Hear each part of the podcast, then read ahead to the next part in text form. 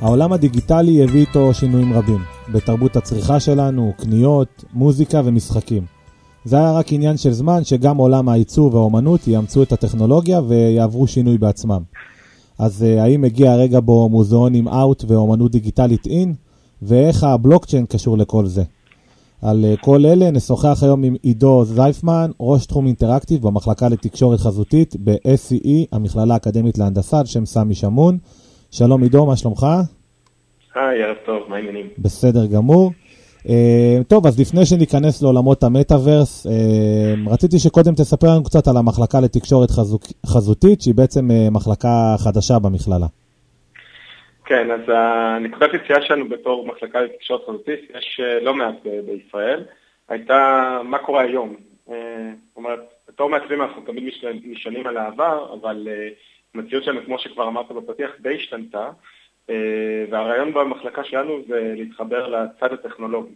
זאת אומרת, אנחנו בית ספר להנדסה, ועכשיו גם לעיצוב אה, ולאדריכלות, אז איך אנחנו מחברים את הצד העיצובי עם הצד הטכנולוגי כבר מהשנה הראשונה ללימודים. אה, זה אומר שכל היסודות של המחלקה הם באוריינטציה דיגיטלית.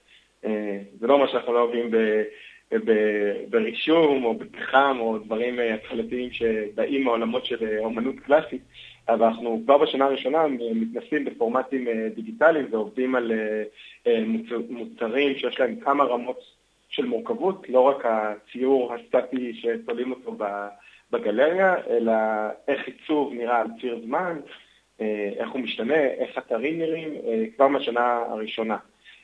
זה הרעיון, אנחנו לא יכולים להיות בבית ספר להנדסה ולא לדבר על, על טכנולוגיה. Mm-hmm. עכשיו, תקשורת חזותית במובן העמוק של זה, גם, גם בסמי שמון, אנחנו מנסים להבין איך אנשים חווים את העולם הזה ולהקל עליהם, אה, במיוחד בעולם הדיגיטלי. אה, אפשר לך שאלה פשוטה, כשאתה נכנס לאתר וכולל, קופצים לך מלא מלא מלא פופ-אפים, איך שנכנסת אליו, אה, מה אתה מרגיש? שרודפים אותי. בול. זה מה שאנחנו מרגישים ברוב החוויות הדיגיטליות שלנו. כן. ובתור מעצבים תקשורתיים, זה בדיוק מה שאנחנו עושים. אנחנו מתקשרים באמצעות visual בסביבות אה, סטטיות, שזה הפוסטר הקלאסי לסרט חדש שיוצא בקולנוע, ובטח בסביבות דיגיטליות.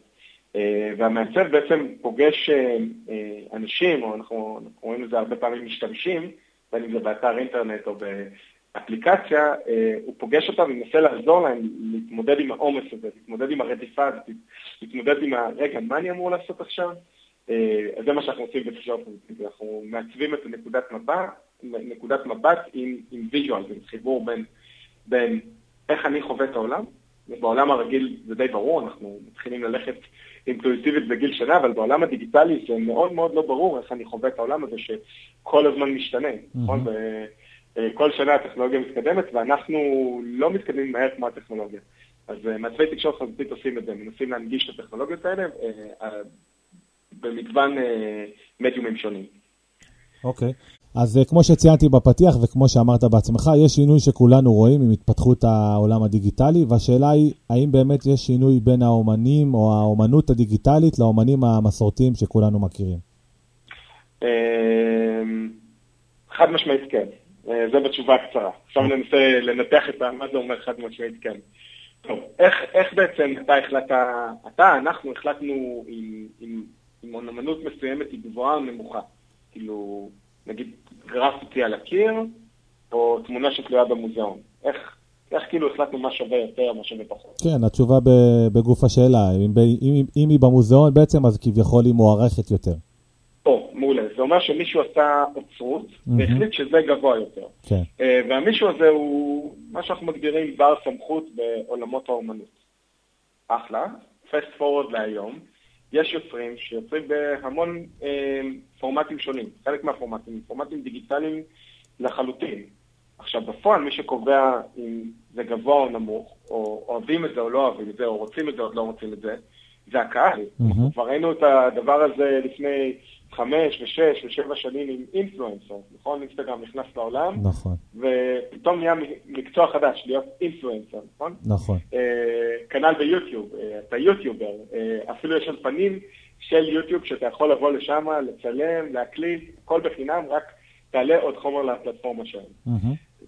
וזה אומר שעכשיו כבר הפלטפורמה לא לגמרי קובעת, אלא בעצם אה, הקהל קובע מה זה גבוה, מה זה נמוך, כמה אוהבים אותך, כמה פחות אוהבים אותך, אה, ובעצם אין את התיווך הזה של, אם נחזור רגע לתקופת הרנסאנס, תמיד היה איזשהו פטרון שמזמין לך עבודה, העבודה הזאת הולכת להיות איפשהו, ואם קבוצה של מומחים מחליט שזה טוב, אז זה טוב, ואם לא, אתה לא טוב. אה, אז אנחנו רואים ממש פריצה של הגבולות האלה, של מה זה אומנות נמוכה, מה זה אומנות גבוהה, מה זה אומן דיגיטלי של היום, והוא בעצם לא ממש צריך להיות באיזשהו מוזיאון, המוזיאון שלו זה אינסטגרם. כן, אז אם, אז אם בעבר בעצם אומן היה באמת אה, תלוי הרבה במוזיאונים או באיזשהו עוצר שיזהה את הפוטנציאל ויציג את העבודות שלו, היום בעצם הכל פתוח. זה בעצם קצת כמו המעבר שעשתה המוזיקה, שלא צריך את חברות התקליטים וכל אחד יכול להיות אומן ולהעלות את השירים שלו ליוטיוב. חד משמעית, אבל גם פה אפשר להגיד שזה, אנחנו מסתכלים על האינטרנט היום בעוד איזושהי נקודה של צומת מאוד מאוד משמעותית, שממש קורית בימים אלו, uh-huh. שזה עוד שינוי אה, רדיקלי, אפשר לומר, זה איך בכלל מידע מופץ בעולם. גם היום, כשאתה חושב על זה, מי שולט בהפצת המידע? זה די הרשתות הגדולות, נכון. די המוזיאונים של פעם. נכון. אינסטגרם זה פייסבוק, נכון? יוטיוב זה גוגל, כן. טוויטר זה טוויטר, והם מחליטים מה יופץ, והם מחליטים, uh, הפיד הזה, הפוסט הזה מקבל לייקים, או התמונה הזאת אוהבים אותה. ואחרי זה, כן, יש פה גם הרבה תתי ז'אנרים ווירליות, אבל בפועל הפלטפורמה מחליטה שאם היא רוצה לסגור את דונלד טראמפ, היא יכולה להוריד את דונלד טראמפ. Mm-hmm. Uh, ראינו את זה. אז, אז uh, מה בפועל כן קורה היום? איך, איך יש פה עוד איזה שינוי שלוקח צעד אחד קדימה? זה מתחבר לכל הבאזוורד שאנחנו שומעים סביבנו, למטאוורס, ו-NFT, וטוקנים, וקריפטוקורנסי, ומלא מלא מילים בסינית, אבל בפועל מה שקורה זה שנהיה פתיחה של הפלטפורמות. Okay. אוקיי. אני, אני אנסה לשים על זה במשפט, ואם זה נהיה טכני מדי, אז תאמר. אמ, עד עכשיו אנחנו אה, בעצם עבדנו בפלטפורמה מסוימת.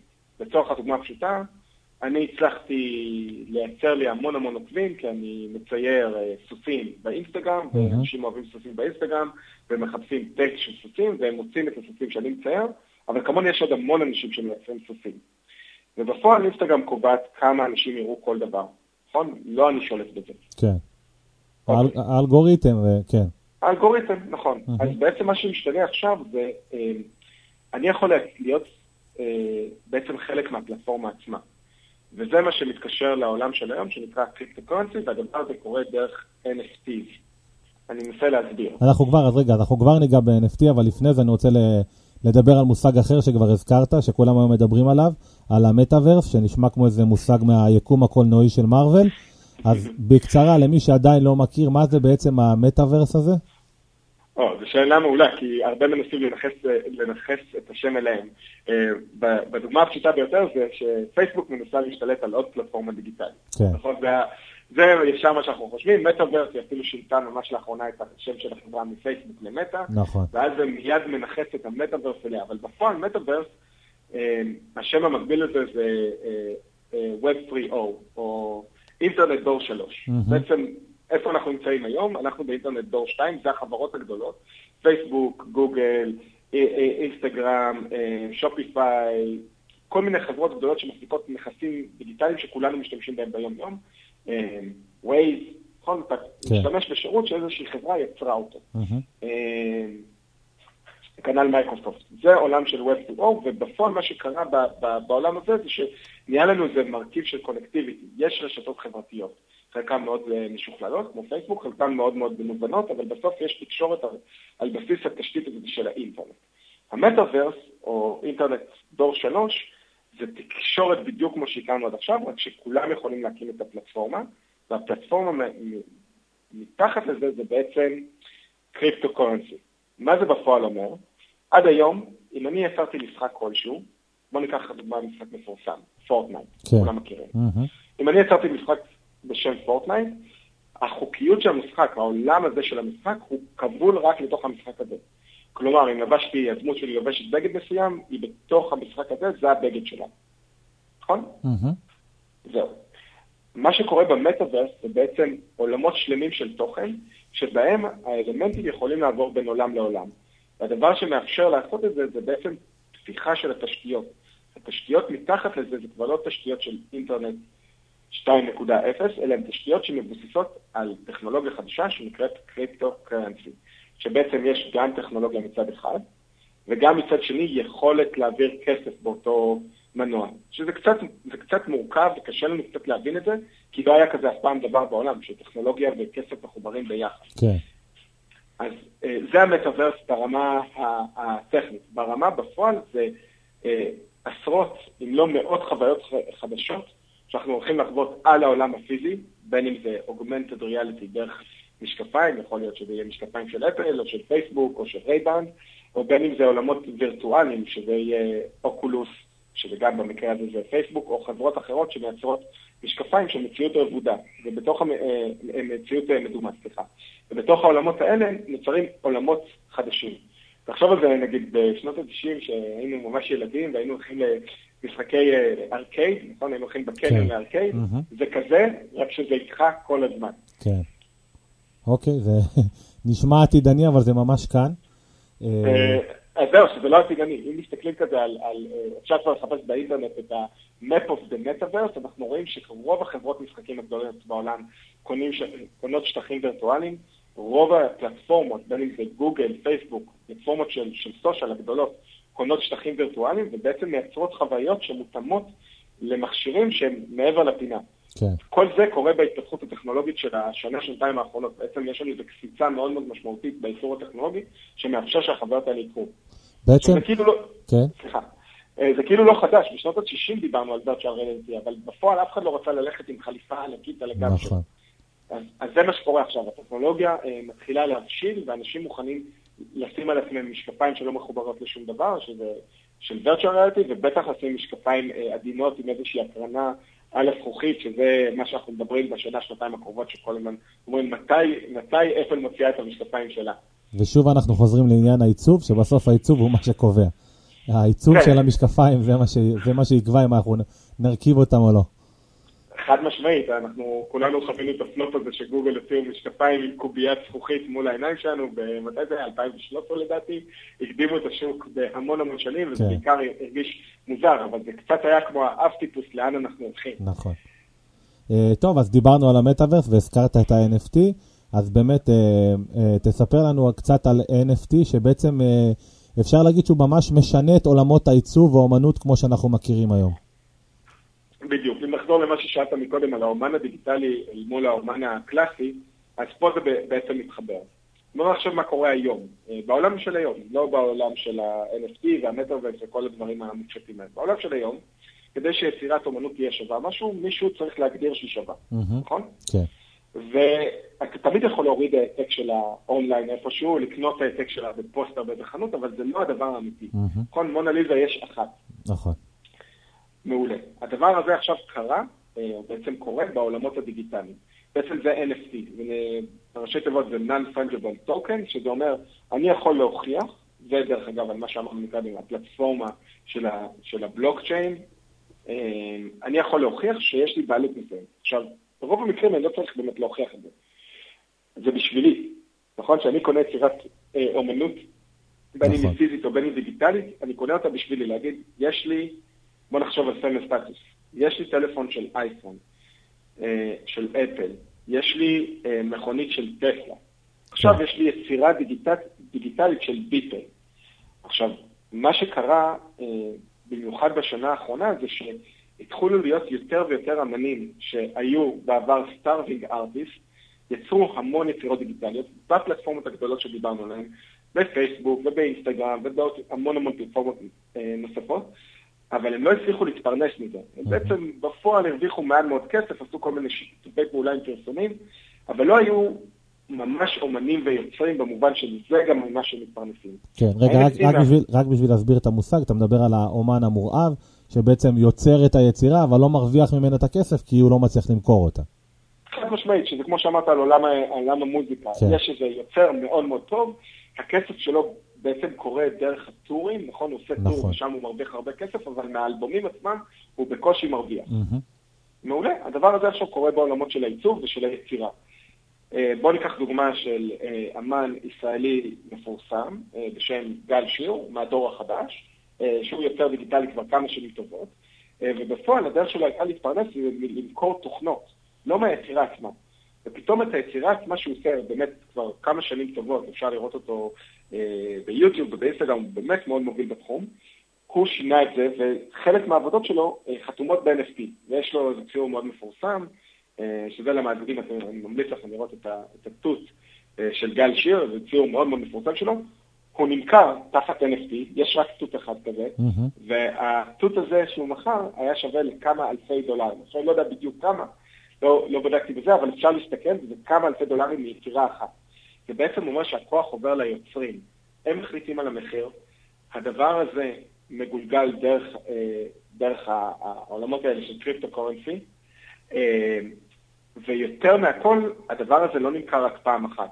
זה בדיוק כמו במכירה פומבית, נכון שמוכרים יצירה ואז מוכרים אותה עוד פעם ועוד פעם ועוד פעם? כן. רק שהפעם, בגלל שזה טמון ב-NFT, הטכנולוגיה, זה בעצם טכנולוגיה NFT, כל פעם שיש עוד מכירה בשוק משני, האמן מקבל כסף. שזה שינוי רדיקלי מאיך שהאמנים ויוצרים התפרנסו בעולם. מה זה בעצם אומר? זה אומר שאם אני רכשתי תמונה של אמן מסוים, אני יכול למכור אותה שוב, אני אקבל עליה את הכסף, ועל המכירה שלי הוא מקבל את הכסף שוב. זה לא עוד, זה לא עוד עותק של אותה יצירה, זו אותה לא, יצירה לא. שאני מוכר שוב. כן, זה בעצם אני מכרתי לך, אה, קנית מכונית טסלה, כן. העברת את זה למישהו אחר, ועכשיו עצם זה שהעברת את זה למישהו אחר, מי שיצר את הטסלה מקבל כסף. Mm-hmm. כחלק מהעסקה הזאת שמובנית בתוך NFT, מובנה בתוך הטכנולוגיה עצמה. זה מה שאמרתי שהטכנולוגיה, או בעצם הקוד, מתחבר לכסף. זה קריפטו קרנסי. כן. אבל מצד אה, שני, אין, אין מי שמעריך, כמו שדיברנו על זה, אין מי שמעריך את האומנות. בעצם התות הזה, אה, בעולם המסורתי יכל להיות אה, סתם עוד ציור, ופה בגלל שמישהו רכש אותו, אז הוא העריך אותו, אבל אין מישהו שקובע שזה אומנות גבוהה או לא. לא, זה בעצם מטשטש לגמרי את העניין של בין אומנות גבוהה ונמוכה, ודיברנו, זה דרך אה, העוקבים שלי. כן. יש לגל שיר אה, עשרות, אם לא מאות אלפי עוקבים, mm-hmm. הם מעריכים אותו בתור יוצר דיגיטלי. עצם זה שזה יצירה של גל שיר, זה כבר נחשב, כי הוא כבר בנה לעצמו את המוניטין כן. בתור יוצר. אגב, הוא באמת יוצר במשך שנים. Mm-hmm. זו דוגמה מצוינת לאיך מישהו בונה סביבו קהילה, ואז הקהילה הזאת היא בעצם מייצרת את הערך שלו, ולאו דווקא המוזיאון אה, כזה או אחר, או הטור שעשיתי במקום כזה או אחר. עצם היצירה, וזה שיש לך קהל, זה כבר מייצר את, ה, את המשמעות הכספית. אוקיי. Okay. Uh, בסדר, עכשיו uh, בוא נדבר כבר על, uh, בוא נצא מהעולמות האלה, נדבר נגיד על, uh, כבר על חברות שבעבר השקיעו הרבה בתוכנה, גם היום, אבל היום אנחנו רואים גם את השינוי שהן משקיעות משאבים רבים גם בעיצוב המוצר. בעצם uh, זה חלק מהשינוי שגם החברות עוברות, שמבינות את הצורך לעצב uh, או את הצורך בעיצוב uh, מיוחד, שונה או uh, ביוצרים מיוחדים. אז אני חושב שפה ההבדלה היא פחות על מיוחד ושונה ונקרא לזה הצד הארטיסטי, אלא יותר הצד התפקודי. ואני אתן דוגמה מהעולם של מוצרים פיזיים אל מול מוצרים דיגיטליים. אוקיי. בוא נגדיר רגע מוצר כדי שזה יהיה ברור על מה אנחנו מדברים. כשאני מדבר על מוצר בעולם הפיזי זה יכול להיות כל, כל מוצר, נכון? כיסא, שולחן, זה מוצרים, mm-hmm. זה ברור לנו בעולם הפיזי. כן. בעולם הדיגיטלי קצת יותר מטושטש לנו להבין מה זה מוצר, אבל לצורך העניין, אפליקציה היא מוצר. הורדתי את Waze הוא מוצר, שמשתנה, נכון? מדי פעם הממשק מתעדכן, מוסיפים עוד פיצ'ר, לדוגמה, אה, מוסיפים ממזג אוויר, מוסיפים מחיבור למוזיקה, כל מיני דברים שקורים בתוך המוצר עצמו. זה כן. מוצר דיגיטלי. Mm-hmm. גם אתרים זה מוצרים דיגיטליים, אבל אתרים, די, אתרים זה דבר די סטטי, נכון? פשוט שמים בזה תוכן פעם אחת, ואנחנו בתור מישהו שנכנס לאתר פשוט קוראים את התוכן, מסתכלים על התמונות שלה. Mm-hmm. אוקיי, אז, אז מוצרים הם דבר, דבר שיש בהם אינטראקטיביות מובנה. עכשיו בואו נחזור לעולם הפיזי. אינטראקטיביות מובנה. קניתי שולחן אחד הביתה, זהו, השולחן, השולחן הזה הוא מוחלט וסופי. נכון? בעצם החברה החליטה שהולך להיות שולחן, המעצב ייצב את זה פעם אחת, וזהו, כל השולחנות הולכים להיראות אותו הדבר. אוקיי. Okay. וזהו, פה זה נגמר. פה נגמר השרשרת של, של מוצר פיזי. כן. אם אני רוצה לשנות את השולחן הזה, אין, זה בעצם לייצר שולחן חדש. אין שום דרך לשנות את זה חוץ מ... להרוס את השולחן ברמה הפיזית, נכון? Mm-hmm. לצייר עליו, לקשקש עליו, לשנות אותו, אה, אולי להעצים אותו, אבל זה עדיין, זה כבר לא שולחן ב, ב, שמשתנה. ברגע שהוא יוצא מהמפעל, זה השולחן. Mm-hmm. אוקיי, בעולם הדיגיטלי, המוצרים האלה כל הזמן משתנים. עכשיו, דיברנו מקודם על, על רדיפה, אני רוצה לשאול אותך שוב שאלה לגבי הפעם אפליקציה. נגיד ואתה מוריד אפליקציה לטלפון, אה, ואתה לא יודע איך להשתמש בה, מה אתה עושה? נכנס לגוגל? באמת? אתה נכנס לגוגל לבדוק איך משתמשים באפליקציה? אה, כן, אני חושב. אני מוריד אפליקציה שאני יודע מה לעשות איתה בדרך כלל. ואם הורדת אפליקציה שאתה לא מצליח להשתמש בה? אני חושב שאני נכנס לגוגל, אלא אם כן, לא, לא, לא יודע מה התשובה, תגיד לי אתה. לא, אז אתה כבר משתמש מתקדם. אתה אומר, אה, אוקיי, אוקיי. אני אלך עוד שלב אחד קדימה, ואני אנסה להבין, כי אני מבין את הערך של האפליקציה הזאת ולמה הורדתי אותה. אוקיי. אבל רוב המשתמשים מורידים אפליקציה, בוא ניקח דוגמה לאפליקציה פשוטה, משחק, לא מבינים איך המשחק עובד, כן. מוחקים את זה. נכון, נכון. יופי.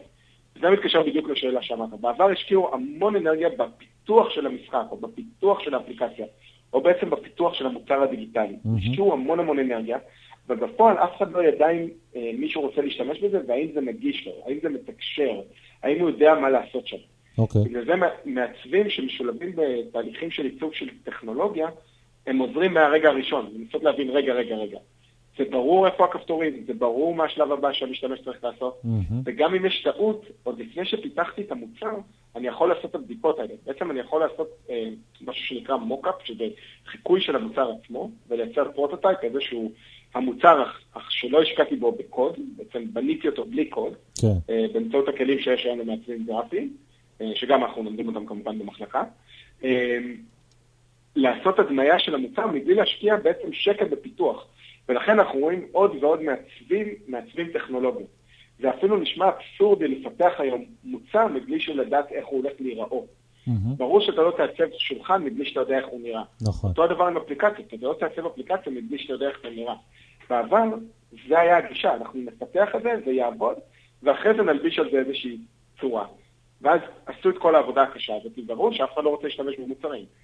כל העניין של חוויית משתמש, או מעצבים שמתחילים לעצב טכנולוגיה, זה כדי לקחת את הדבר הזה ולא לעשות את הטעויות האלה של פיתוח. ואני יכול גם להסתכל על זה בצד אחר לגמרי, להסתכל על זה מצד הכסף. אמ, בוא נסתכל על זה ממש אה, כאילו, אה, מה שנקרא בלבן של העיניים. Okay. אוקיי. נניח, ואני, נניח ועכשיו אנחנו מסתכלים על חברה טכנולוגית, כלשהי, זה לא משנה, גוגל, mm-hmm. בסדר? אה, דוגמה רחוקה וגדולה. אז לגוגל יש אלפי מפתחים, נכון? Mm-hmm. בדרך כלל היחס בין מפתחים למעצבים, בדרך כלל, שוב, אני, אני נזהר פה כי זה כל הזמן משתנה, אבל בערך יש 12 מפתחים על כל מעצב. Okay. אוקיי. בערך זה היחס. Mm-hmm. זה אומר ששעת עיצוב אחת שווה 12 שעות אה, פיתוח. אוקיי. Okay. נכון? נגיד, עבדתי על משהו אחד, עשיתי כפתור מסוים, אחרי זה לוקחים אותו ומפתחים אותו. Mm-hmm. אם אנחנו מסתכלים רק ביחסים של זמן, okay. רק זמן. כן. וכולנו מרוויחים אותו דבר, כולנו מרוויחים 100 שקל לשעה, לדוגמה. Mm-hmm. אז זה אומר ששעת עיצוב עלתה 100 שקל, והשעת פיתוח עלתה 1,200 שקל. זאת אומרת שברגע שאתה מביא מעצב כבר בשלב ראשון, הרבה טעויות לא יגיעו בכלל לפיתוח. המעצב ידע להיות שם ולעצור אותם, מבלי לבזבז זמן מיותר על פיתוח. שזה בעצם בכלל, זה, זה משנה בכלל את איך אנחנו מסתכלים על עיצוב, כי עיצוב זה לא רק איך המוצר נראה, אה, אפשר להגיד שזה גם אם המוצר פונקציונלי למשתמש, זה גם התפקיד של מעצב. חד משמעית, בעצם אם בעבר התפקיד של המעצב זה בוא תגרום לזה להיראות מוכר, בוא תשכנע אנשים ללכת לקולנוע, בוא תיתן להם להרגיש טוב עם הכוס קפה שהם קנו, היום אנחנו בוא נעזור להם להשתמש באפליקציה הזאת, בוא נבין בכלל אם זו האפליקציה שהם צריכים, בוא נראה איך הם עושים את הפעולות שלהם ביום-יום בצורה הקלה ביותר, האינטואיטיבית ביותר, ושנותנת להם הכי הרבה ערך. כן. אמ, בגלל זה אנחנו רואים יותר ויותר מעצבים, זה פשוט חוסך המון תהליכים ומקדם את המוצרים וגם מבדיל בין המוצרים. אנחנו לא רוצים כולנו להיות כל היום בסביבה של מייקרוסופט כמו שהיה בשנות ה-90. Mm-hmm. כן רוצים את החוויות האלה. אוקיי. אמ, אז אה, זה מעלה, מעלה את קרנם של המעצבים בעצם. חד משמעית. אנחנו גם ממש אה, רואים את זה בתקופה של הקורונה, אפשר להסתכל גם על, גם במובן של אה, אה, סקרי שכר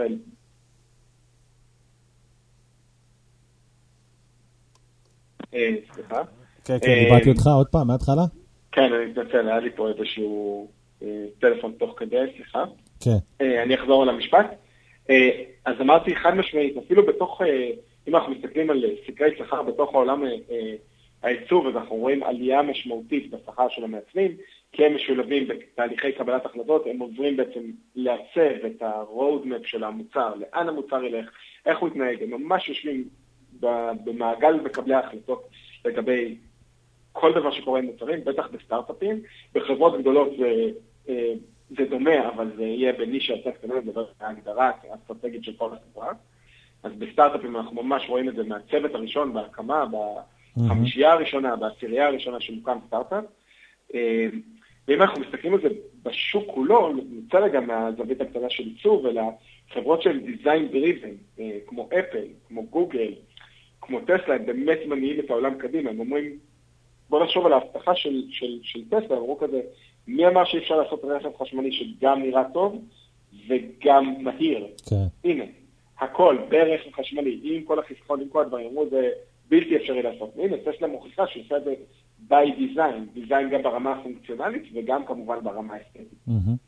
טוב, אז אה, אתה יודע, בסוף זה, זה, עכשיו זה מעלה שתי שאלות, כי הכוח עובר, ל, הכוח עובר לקהל, אז מצד אחד מה הקהל יעשה עם הכוח הזה, מצד שני איך החברות הגדולות אה, ייקחו את הכוח בחזרה אליהן, כי אנחנו יודעים, וההיסטוריה מוכיחה שהחברות הגדולות לא, לא, לא, לא אומרות נואש כשהכוח עובר ללקוחות, אבל זה כבר לנושא לפרק אחר. אה, טוב, אז אה, אה, עידו זייפמן, ראש תחום אינטראקטיב במחלקה לתקשורת חזותית ב-SCE, המכללה האקדמית להנדסה, על שם סמי שמון. אני מאוד מודה לך על השיחה, היה מאוד מעניין, היה, אתה יודע, מרענן וגם קצת עתידני עם הסתכלות מציאותית שזה לא באמת העתיד, זה, היה, זה התחום שלנו היום. אה, אז תודה. תודה רבה שאירחת אותי. אז אה, אתה אומר הסתכלות עתידנית, אני, אני תמיד פותח את השיעור הראשון שלי של, אה, של אינטראקטיב, זה בזה שאנחנו מדברים על פיוטר דיזיין, אבל הפיוטר הזה הוא כבר פה והוא כבר קרה. כן, בדיוק. עכשיו אנחנו רק צריכים להבין איך להתמודד עם זה, והמעצבים הם אלה שעוזרים להנגיש את החוויות האלה, ותודה שעזרת לי ולחשוף קצת אנשים נוספים לרעיונות שאנחנו מדברים עליהם גם במחלקה, ובעצם הרעיונות שאנחנו מדברים עליהם ביום-יום כמעצבים. כן, עזרת לנו מאוד מעניין. אה, ואתם כמובן מאזינים, לפני שאתם רצים עכשיו לעצב או לצייר איזה משהו ולמכור אותו ב-NFT, אנחנו מזמינים אתכם לשמוע את שאר הפרקים שלנו, ונשתמע בפרק הבא.